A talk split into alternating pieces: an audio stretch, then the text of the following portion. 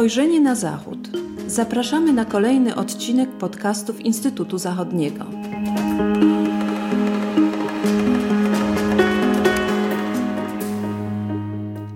Dzień dobry, z tej strony Agata Kołabunowska. Witam Państwa w kolejnym odcinku podcastów Instytutu Zachodniego. Będę dzisiaj rozmawiać z panią doktor Joanną Dobosz-Dobrowolską, która w Instytucie Zachodnim kieruje zespołem Pokój i Bezpieczeństwo a ponadto jest także doradcą do spraw pokoju i bezpieczeństwa przy Organizacji Narodów Zjednoczonych.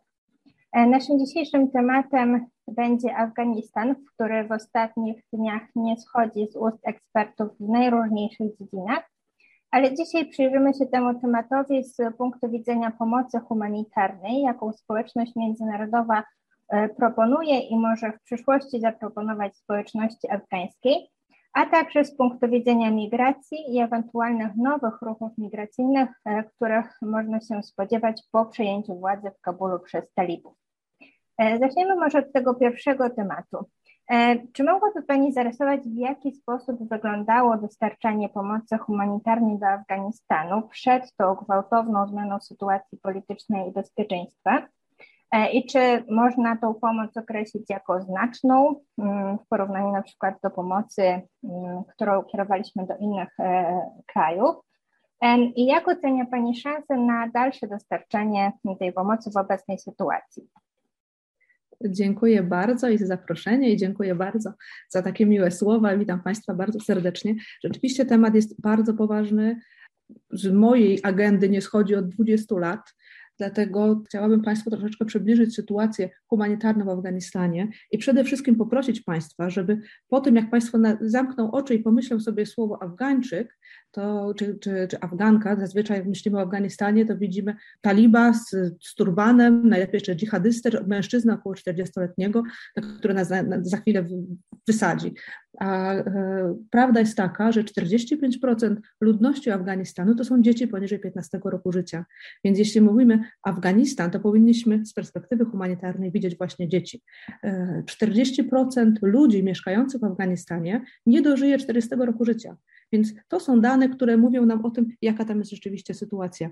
I e, gdyby chcieć określić Afganistan na dzień dzisiejszy i także w ciągu ostatnich 20 lat, to można powiedzieć, że to jest po prostu najgorsze, jedno z najgorszych miejsc do życia na Ziemi.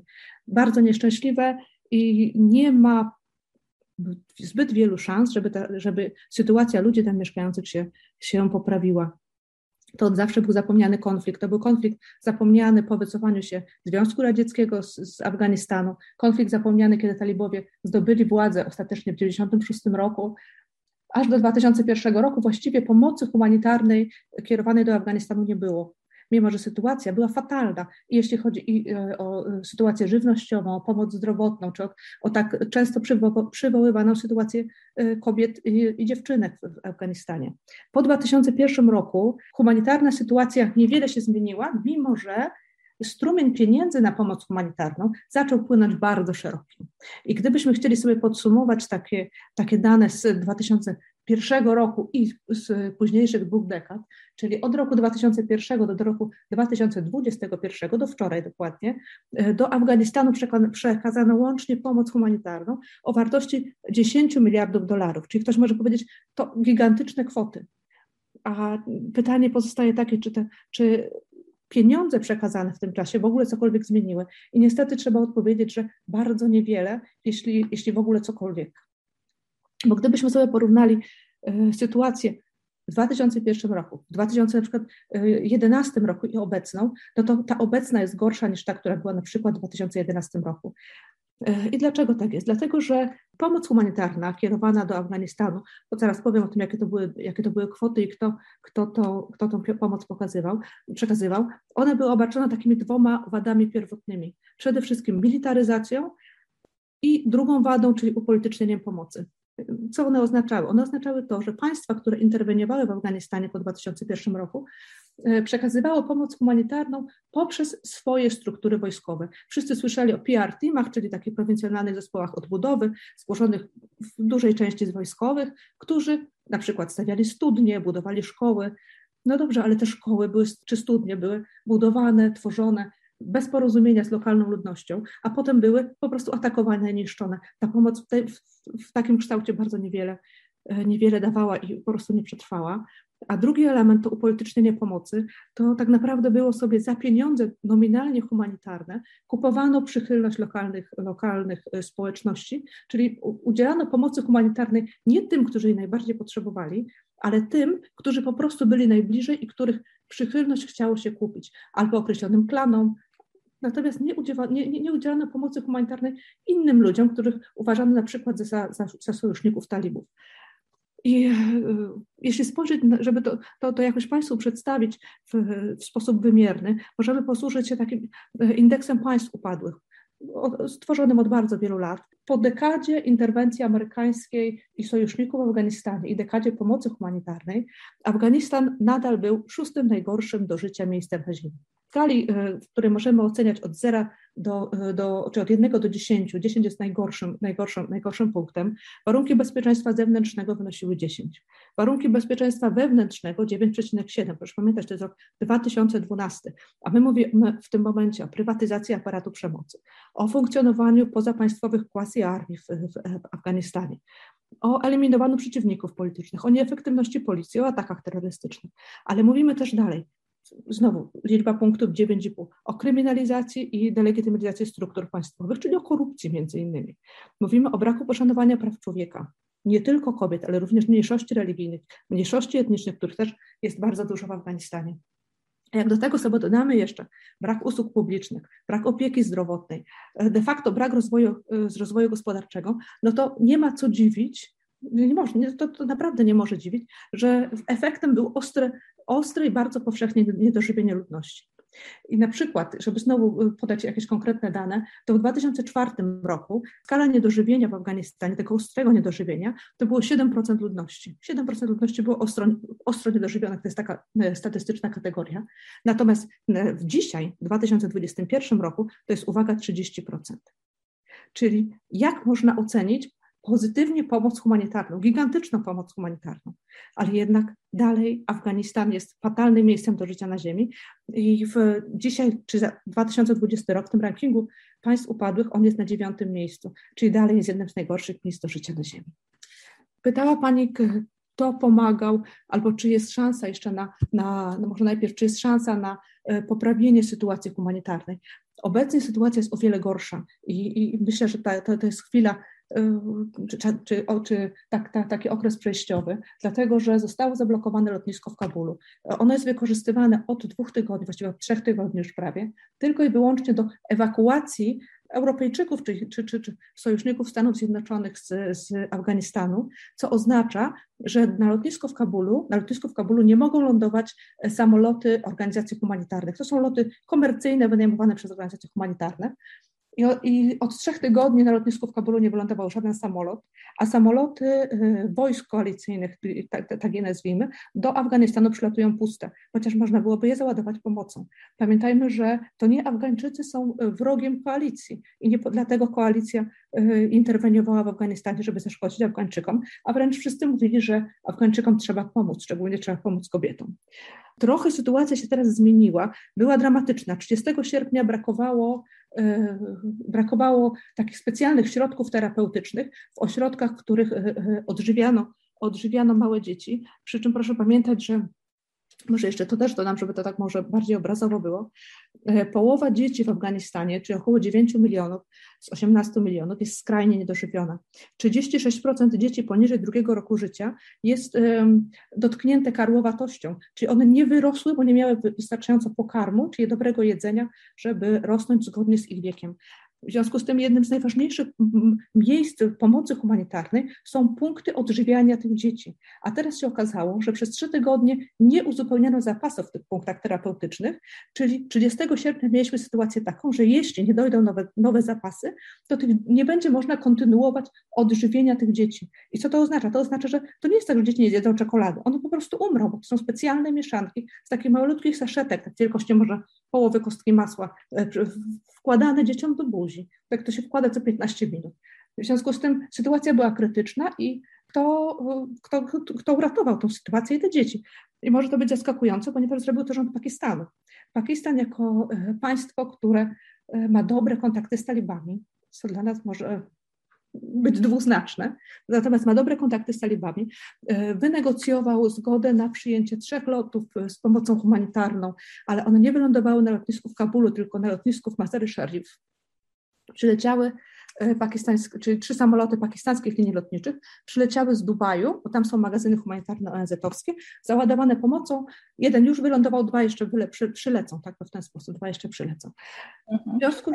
Ja tutaj się wtrącę, bo, bo pytałam o wielkość e, tej pomocy i mm, no, w jaki sposób można by ją dalej dostarczać, ale tutaj w obliczu tego, co, co pani doktor mówi, może wypadałoby zapytać, może nie czy i kiedy tą pomoc dostarczyć, tylko może jak ona powinna zostać inaczej skonstruowana, żeby nie dochodziło do takiej właśnie patologii, o jakich Pani mówi, że pompujemy miliardy, które mm, w żaden sposób y, nie wpływają na sytuację tak naprawdę w Afganistanie. E, I właśnie kiedy Pani opowiadała, to pomyślałam, że, że można by właśnie w jakiś sposób włączyć do tego kraje regionu, po czym właśnie mówiła Pani o pomocy z Pakistanu. Czy są jeszcze jakieś inne propozycje, żeby ta pomoc humanitarna dla Afganistanu była bardziej efektywna, a niekoniecznie wyższa w skali finansowej? To znaczy w Afganistanie w ostatnich latach, kiedy sytuacja no, ewidentnie była bardzo zła, e, donatorzy międzynarodowi przestali przekazywać pieniądze przez swoje własne struktury, czyli przez wojsko, a zaczęli przekazywać pieniądze przez doświadczone organizacje międzynarodowe, czyli przez organizacje z rodziny ONZ-u plus inne organizacje humanitarne, tak jak Międzynarodowy Czerwony Krzyż, czy Federacja Towarzystw Czerwonego Krzyża i Czerwonego Półksiężyca. To są te organizacje, czy, czy przez y, najważniejszą tam, czyli Światowy Fundusz Żywnościowy, przez, e, czyli przez doświadczone duże organizacje, które mają struktury w całym Afganistanie i te struktury nie uciekły, te struktury zostały, czyli zostali ludzie, zostały centry, centra, punkty kontaktowe, ale ci ludzie muszą otrzymać co? Czyli muszą otrzymać pomoc, którą będą mogli dystrybuować dalej. I jeśli organizacje będą miały swobodę działania, to myślę, że nie musimy się martwić o to, czy pomoc dotrze do, do, do, do e, Afgańczyków. Znaczy, musimy się martwić o jedną rzecz: o to, żeby donatorzy, którzy teraz, państwa interweniujące dotąd w, w, w Afganistanie, którzy, które jednocześnie są największymi donatorami pomocy dla tego państwa, finansują ją, po prostu wpłacają swoje składki na konta e, organizacji humanitarnych, żeby one robiły to nadal. To jest dla nas ważne. Czyli struktury są, pomoc zgromadzona w magazynach żywnościowych ONZ-owskich, ona jest, ale trzeba ją tam dostarczyć, czy trzeba, trzeba otworzyć możliwość lotów do Afganistanu i trzeba finansować możliwość kupowania nowej pomocy przez organizacje humanitarne. To jest, to jest dla nas bardzo ważne. Przy czym może jeszcze dodam, jak kto finansuje tą pomoc dla Afganistanu, bo to jest też szalenie istotne. W ciągu, czyli w ciągu ostatnich dwóch dekad największym donatorem, tu myślę, że nie będzie żadnego zaskoczenia, były Stany Zjednoczone, które przekazały łącznie ponad 3 miliardy dolarów, ale zaraz potem y, mamy państwo, o którym się rzadko mówi, że jest donatorem, czyli Japonię, która przekazała ponad miliard dolarów, a potem państwa europejskie, czyli Wielką Brytanię, i Niemcy na czwartym miejscu. Niemcy przekazały w ciągu tych dwóch dekad 541 milionów złotych i potem większość państw europejskich, plus jeszcze Kanadę czy, czy, czy Australię, to są państwa, które przekazują pomoc cały czas. W ciągu ostatnich ostatnich e, dwóch miesięcy, myślę, że e, Niemcy, e, przepraszam, dwóch lat, Niemcy przekazali troszkę mniej pomocy niż, niż zazwyczaj przekazują w, w miejscach zagrożenia, czy w miejscach, gdzie, gdzie żyją ludzie potrzebujący pomocy, ponieważ Niemcy są globalnie drugim co do wielkości donatorem, donatorem pomocy humanitarnej. Przekazują łącznie 11% globalnej pomocy. To jest bardzo, bardzo dużo. Czyli rząd niemiecki przekazuje więcej pomocy niż cała Unia Euro, niż, niż cała Komisja Europejska. Natomiast w Afganistanie on jest dopiero czwartym, czwartym donatorem. Afganistan nie jest na, na tym najwyższym e, poziomie priorytetu dla, dla, dla, dla Niemiec. Mhm. Pytanie o Niemcy było kolejnym na, na mojej liście, także tutaj już pani doktor odpowiedziała. Wróciłabym w związku z tym zamiast tego pytania o pomoc niemiecką do, mm, do tej możliwości dalszego działania tych organizacji wyspecjalizowanych w udzielaniu pomocy humanitarnej. Mm, jak Pani przewiduje, jak to może dalej e, przebiegać? E, mm, czy one są teraz całkowicie zamrożone, te działania i, i czego można się spodziewać dalej w obliczu tych gwałtownych zmian politycznych właśnie? Wszyscy wyrażają dobrą wolę, czyli zarówno talibowie wyrażają wolę przyjmowania dalej pomocy, e, jak i donatorzy wyrażają wolę jej przekazywania. 30 sierpnia, czyli kilka dni temu, została przyjęta rezolucja Rady Bezpieczeństwa ONZ-u. Ona, ona została przyjęta z inicjatywy francuskiej, niemieckiej i brytyjskiej, gdzie Rada Bezpieczeństwa przy wstrzymującym się głosie Rosji i Chin, one najpierw groziły, prawem, groziły wetem, potem, się, potem wstrzymały się od głosu, apeluje do, do donatorów o dalsze finansowanie pomocy humanitarnej i do talibów o jej przyjmowanie. Talibowie powiedzieli, że będą przyjmować pomoc humanitarną, bo ona jest im potrzebna. I, i, i trzecia strona, czyli organizacje międzynarodowe, one są obecne na miejscu i są w stanie, są w stanie działać. Więc kwestia jest tylko współpracy między tymi trzema, e, trzema stronami, z tym, że tutaj trzeba dodać przypis, ta, ta, ta pomoc humanitarna, ona obejmuje rzeczywiście sprawy humanitarne, czyli żywność, leki, e, schronienie czy, czy, czy odzież e, ciepłą w czasie zimy, ale ona nie obejmuje pomocy rozwojowej, szczególnie takiej pomocy, która była powiązana z, z realizacją celów społecznych. I tutaj mówimy o sytuacji kobiet, kobiet i dzieci. I znowu, e, wydaje nam się, że teraz drastycznie pogorszy się sytuacja kobiet i dzieci w Afganistanie. Ale raczej nie należy się tego spodziewać, dlatego że sytuacja kobiet i dzieci w Afganistanie ona była cały czas katastrofalna. Amerykanie interweniowali w 2001 roku, mówiąc, że nie chodzi im tylko o zwalczanie terroryzmu, ale chodzi im także o, o, o poprawę sytuacji kobiet kolejne lata zweryfikowały, zweryfikowały te, te, te, zapowiedzi i okazało się, że no niestety, ale, ale pomoc kobietom i dziewczynkom ustąpiła realizacji celów bezpieczeństwa. Rząd afgański nie był zmuszany, czy nie był partnerzy lobbowali, ale jednocześnie nie zmuszali Afgańczyków do tego, żeby, żeby poprawiali sytuację kobiet, kobiet i dzieci.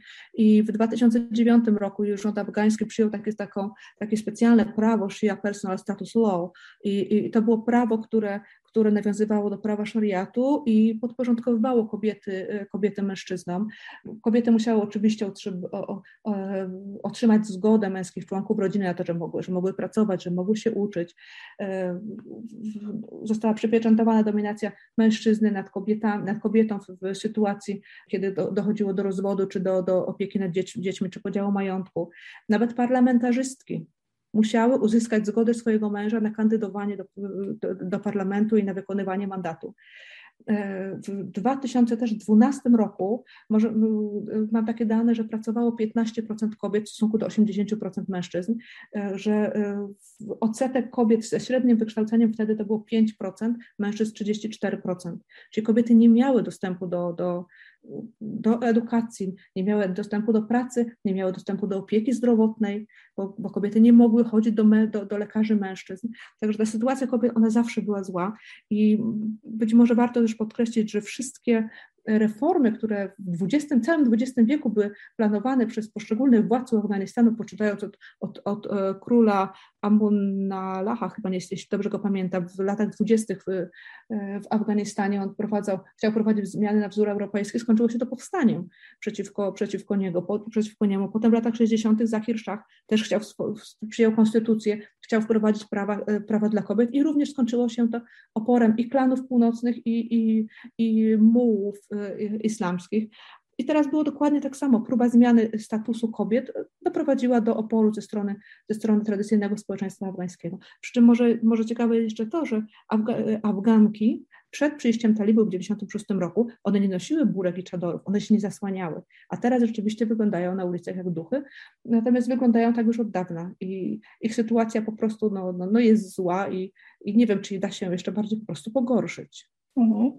E, przejdźmy teraz do kwestii migracji. Podczas wtorkowego posiedzenia Rady Unii Europejskiej do spraw wewnętrznych unijna komisarz Ylva Johansson powiedziała, że najlepszym sposobem na uniknięcie nowego kryzysu migracyjnego jest uniknięcie w pierwszej kolejności kryzysu humanitarnego, więc te kwestie, obie, które dzisiaj poruszamy, bardzo się ze sobą łączą. Czy mogłaby Pani doktor powiedzieć, gdzie obecnie przebywa najwięcej uchodźców z Afganistanu i jakie są e, główne szlaki migracyjne z tego kraju? I jakich ruchów możemy się spodziewać? Teraz w tych najnowszych debatach słyszy się o tym, że e, te ruchy na ten moment nie są aż tak znaczące, żeby można było mówić o wybuchu nowego kryzysu migracyjnego. I czy Pani się zgadza z tą opinią i jak Pani prognozuje dalszą sytuację migracyjną? Ja bym rozróżniła to pytanie na, na dwie kwestie. Jedno dotyczące Afganistanu, a drugie w ogóle dotyczące kryzysu migracyjnego. Bo odpowiadając na to drugie pytanie, to kryzys migracyjny w ogóle się nie skończył. I my mamy bardzo trudną sytuację, bo właściwie możemy powiedzieć, że u bram Europy trwa niezażegnany kryzys migracyjny. Ogólna liczba migrantów na świecie teraz to jest prawie 100 milionów. Mówię o uchodźcach i, i, i, i uchodźcach wewnętrznych plus azylantach i to jest liczba o 50% wyższa niż w 2015 roku. Także to, to, to nie jest tak, że kryzys się zakończył. My po prostu przestaliśmy w Europie go odczuwać, a przestaliśmy go odczuwać dlatego, że zablokowaliśmy przepływ imigrantów do Europy, czyli po prostu podpisaliśmy umowę z Turcją, bo to jest główne, główne, główne szlak tranzytowy, o który też Pani pytała, ale równocześnie zaczęliśmy jako Europa blokować wszystkie szlaki migracyjne prowadzące do Europy, również te afrykańskie, wschodnioafrykańskie, zachodnioafrykańskie i centralnoafrykańskie, plus ten szlak azjatycki. I blokujemy jako Europa e, te szlaki migracyjne po pierwsze uszczelniając nasze granice, po drugie uszczelniając granice państw leżących na szlaku migracyjnym, czyli państw tranzytowych i państw węzłowych dla tej migracji. Państwem węzłowym na przykład jest Turcja czy, czy, czy, czy Iran, Libia, Maroko, Maroko, Tunezja, to są państwa, państwa węzłowe dla migracji ale równocześnie też staramy się jako Unia Europejska przekazywać środki na pomoc rozwojową, pomoc humanitarną również, ale pomoc rozwojową przede wszystkim do regionów, w których z których uchodźcy pochodzą i w których oni przebywają, czyli do tak zwanych miejsc najbliższych danemu kryzysowi. I to jest ta realizacja takiej koncepcji pomocy na miejscu, po to, żeby uchodźcy uciekający z jakiegoś państwa przed konfliktem otrzymywali pomoc w swoim kręgu kulturowo-cywilizacyjnym, czy, czy religijno-cywilizacyjno-kulturowym, ale nie opuszczali swojego swojego, swojego regionu, tam gdzie znają język, gdzie są w stanie mieć, jak się odnieść sukces w życiu społeczno-politycznym. Natomiast jeśli chodzi o Afganistan, z Afganistanu ludzie uciekają zawsze, Natomiast ta liczba nie jest taka duża, bo od znowu kilku dekad utrzymuje się na mniej więcej stałym poziomie. To jest niecałe 3 miliony, 3 miliony ludzi. W tej chwili są 2 miliony i 600 tysięcy y, uchodźców notowanych przez Wysokiego Komisarza do Spraw Uchodźców. Zdecydowana większość z nich, bo 90%, przebywa w mm, Pakistanie i w Iranie. Tego w Pakistanie najwięcej, bo, bo 1,5, y, czyli 1 500 tysięcy 500 tysięcy uchodźców przebywa w, w Pakistanie, w Iranie y, prawie 800 tysięcy, Natomiast rzeczywiście ruch do, do Europy też jest, ale on jest generalnie mały, bo, bo w Turcji przebywa w tej chwili 120 tysięcy 120 tysięcy Afgańczyków. Do Europy w ubiegłym roku dotarło, czyli złożyło wnioski azylowe po raz pierwszy 44 tysiące ludzi, 44 tysiące Afgańczyków. Czy to dużo, czy to jest mało? No, jeśli spojrzeć właśnie na jednego człowieka, no to, no, to, no to tych ludzi jest bardzo dużo, ale jeśli przejdziemy do statystyki, to powiemy, że to jest bardzo mało, mimo że Afgańczycy stanowią drugą co do wielkości grupę osób składających wnioski azylowe, azylowe w Europie. Natomiast większość z nich przebywa w Pakistanie i w Iranie, w którym mają e, tożsamość językową, czy bardzo podobne, podobne warunki do, do, do, życia i gdzie są dobrze przyjmowani, gdzie mogą, mogą stopić się z, z lokalną społecznością. Więc jeśli mamy pomagać, to pomagajmy nie tylko w Afganistanie, ale pomagajmy też tym społeczeństwom przyjmującym w Pakistanie i w Iranie. Żeby nie było tak, jak, jak, jak w latach 80. w czasie interwencji Związku Radzieckiego, Że, Irańczycy, że, że Afgańczycy uciekali do Iranu, myśląc, że tam im ktoś pomoże i przechodzili przez góry i potem się okazało, że tam przyszli właściwie tylko umrzeć, bo nie miał ich kto pomóc. Pomogła mhm. ostatecznie Arabia Saudyjska. Mhm. Jeśli chodzi o tą, e, o tą postawę Unii Europejskiej, między innymi tą wypracowywaną teraz w tym tygodniu podczas wspomnianej Rady, to właśnie można dostrzec, że, mm, że to jest taki główny punkt nacisku, żeby pomagać na miejscu w tych, w tych krajach e, trzecich, bezpiecznych, tak zwanych, sąsiadujących z Afganistanem albo w państwach tranzytu. E, I czy tu moje pytanie, czy faktycznie te kraje można uznać za bezpieczne z punktu widzenia Afgańczyków i jakie są szanse na dogadanie się z tymi państwami właśnie przez chociażby Unię Europejską jako całość, zważywszy na to, że no to są czasem trudni partnerzy do rozmowy, jak na przykład e, wspomniany Iran, gdzie jak pani doktor wspomniała, przebywa spora część uchodźców afgańskich. Ja bym tak nie zadała pytania, bo, bo, bo, bo przepraszam, bo powiem tak, Pakistan nie jest dla nas trudnym partnerem. Pakistan czy Iran jest trudnym politycznie partnerem, ale nie jest partnerem trudnym, jeśli chodzi o ratowanie życia innym, e, innym ludziom. Pakistan jest jednym z największych kontrybutorów systemu operacji pokojowych ONZ-u.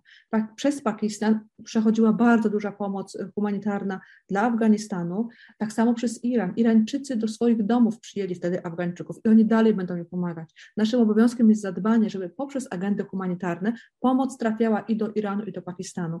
I znowu to, to nie są negocjacje, które są prowadzone przez, na, na poziomie politycznym, czyli przez Stany Zjednoczone, Wielką Brytanię czy Niemcy, może Niemcy mają świetne kontakty w regionie, tylko to są negocjacje prowadzone bezpośrednio przez organizacje humanitarne, w których pracują również i Pakistańczycy, i Irańczycy. W związku z tym to nie jest tak, że negocjujemy z kimś obcym. To nie są negocjacje, negocjacje polityczne. Natomiast rzeczywiście warto uczulać partnerów międzynarodowych, czyli, czyli globalnych donatorów, że warto przesyłać pomoc humanitarną dalej do Iranu czy do Pakistanu, bo to jest nam, to jest nam bardzo potrzebne. Jeszcze drugą zmianę można zaobserwować w tej postawie Unii Europejskiej, ale jak już Pani wspomniała na początku, nie tylko Unii Europejskiej, to jest to takie przyzwolenie na otaczanie się e, murami i to już takimi natury e, fizycznej, tak jak jeszcze podczas tego kryzysu migracyjnego u początku jego, czyli w 2015 roku, no był duży sprzeciw wobec tego typu praktyk. E, to jednak e, no teraz zdaje się, że, że wiele krajów na, na drodze między Afganistanem a Europą e, decyduje się już na takie fizyczne bariery i jeszcze mniejsze zamykanie granic. Czy chciałaby Pani jakoś skomentować tą zmianę i jak ona wpływa na, na kształt współczesnej polityki migracyjnej? Jeśli można, można wskazać, ta zmiana jest szalenie istotna, dlatego że ona, ona została właściwie dokonana w 2015 roku w obliczu kryzysu migracyjnego, bo wcześniej e, Unia Europejska zachowywała się jak taki starszy brat, czyli dobrze instruowała, w jaki sposób humanitarny należy traktować uchodźców i, i, i, innych migrantów w państwach afrykańskich czy w państwach azjatyckich i mówiła, że należy traktować, respektować takie i takie reguły, posługiwać się takimi i takimi standardami.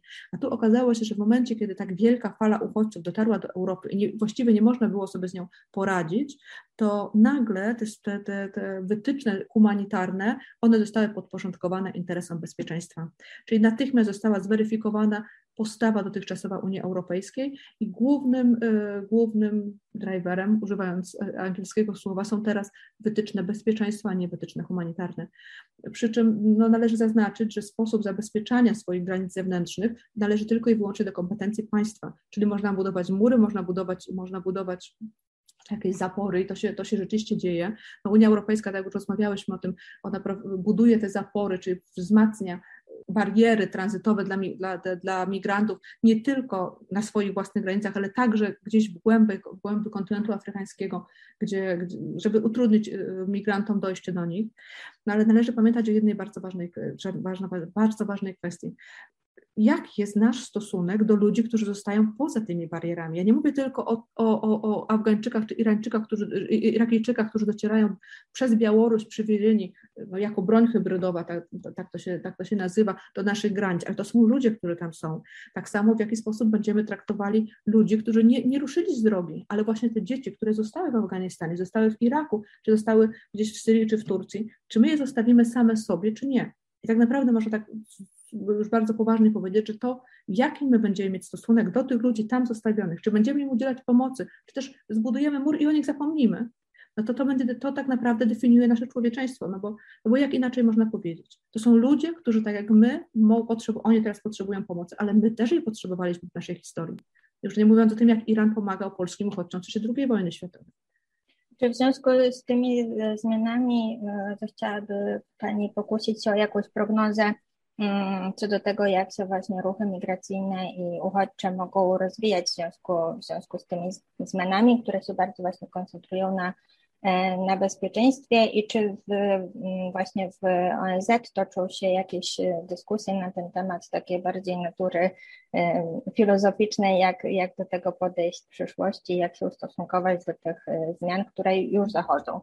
Niestety zmiany są dość niekorzystne. Świat się staje coraz bardziej niebezpiecznym miejscem i widzimy to po liczbie konfliktów zbrojnych, po liczbie osób, które uciekają przed przemocą. Liczba jest, rośnie, liczba konfliktów, liczba osób uciekających przed przemocą rośnie, liczba konfliktów również rośnie, również rośnie. Te konflikty zbliżają się do granic europejskich, dlatego my coraz bardziej odczuwamy, odczuwamy presję migracyjną w ONZ toczą się zupełnie inne rozmowy niż, niż, niż na arenie politycznej, tej, tej, które najczęściej słyszymy, bo, bo w ONZ nie toczą się rozmowy o tym, w jaki sposób zatrzymać uchodźców na granicach i nie dopuścić ich do, do, do naszych miejsc zamieszkania, żeby oni tu nam nie przyszli i nie zadeptali nas, bo, bo to nie jest tak to są ludzie, którzy y, mogą wspomóc rozwój społeczny, rozwój, rozwój gospodarczy w różnych miejscach na świecie. Mhm. Migration can benefit the world, czyli migracje mogą wzbogacić cały świat i, i, i bardzo wielu z nas jest migrantami, czyli w naszych społecznościach żyją migranci. Migranci nie migrują dlatego, że chcą, w części oczywiście tak, ale uchodźcy dlatego, że muszą. I jak spojrzymy sobie na przykład na uchodźców syryjskich, to one są świetnie wykształceni. Afgańczycy nie aż tak, ale Syryjczycy są świetnie wykształceni. Tam są architekci, tam są naukowcy i oni mogą przenieść się gdzie indziej i dalej pracować. To tylko od nas zależy, czy będziemy chcieli ich przyjmować, jak będziemy ich przyjmować i jakie miejsce dla nich zbudujemy w naszym społeczeństwie. Także naprawdę trzeba bardzo poważnie e, e, rozważyć propozycje tworzone w ramach ONZ-u, bo to są propozycje e, stworzenia legalnych ścieżek migracyjnych, takich, które będą akceptowalne dla państw nowego pobytu, bo postawa, to jest, moja, to jest tylko i wyłącznie moja opinia, postawa zamykania granic, całkowitego zamknięcia się przed, przed, przed, przed, przed migracjami, ona się nie da obronić w perspektywie przyszłej, przyszłej dekady nawet, dlatego że my możemy postawić mur, ale jeśli nie będziemy pomagać ludziom, którzy tam są, pozostają poza murem, to oni tak do nas przyjdą i wtedy wymuszą tą pomoc, więc korzystnie jest nawet z politycznego punktu widzenia, żeby wynegocjować, w jaki sposób my ich będziemy przyjmować i kogo będziemy przyjmować. Bardzo dziękuję. Zdaje się, że właśnie to poszukiwanie legalnych dróg migracji też jest trzecim takim najbardziej podkreślanym punktem w kontekście tych e, obecnych rozmów na arenie Unii Europejskiej i też e, Unia pozostaje w stałym kontakcie z ONZ-em, na co wskazuje chociażby właśnie niedawna wizyta e, pani komisarz Johansson w, e, w Nowym Jorku, także e, miejmy nadzieję, że, że zostanie wypracowana jakaś nowa, bardziej pozytywna mm, agenda. Bardzo Pani doktor dziękuję za rozmowę. Państwu serdecznie dziękujemy za uwagę i zapraszamy do słuchania kolejnych odcinków podcastów Instytutu Zachodniego. Do usłyszenia. Dziękuję bardzo i do usłyszenia.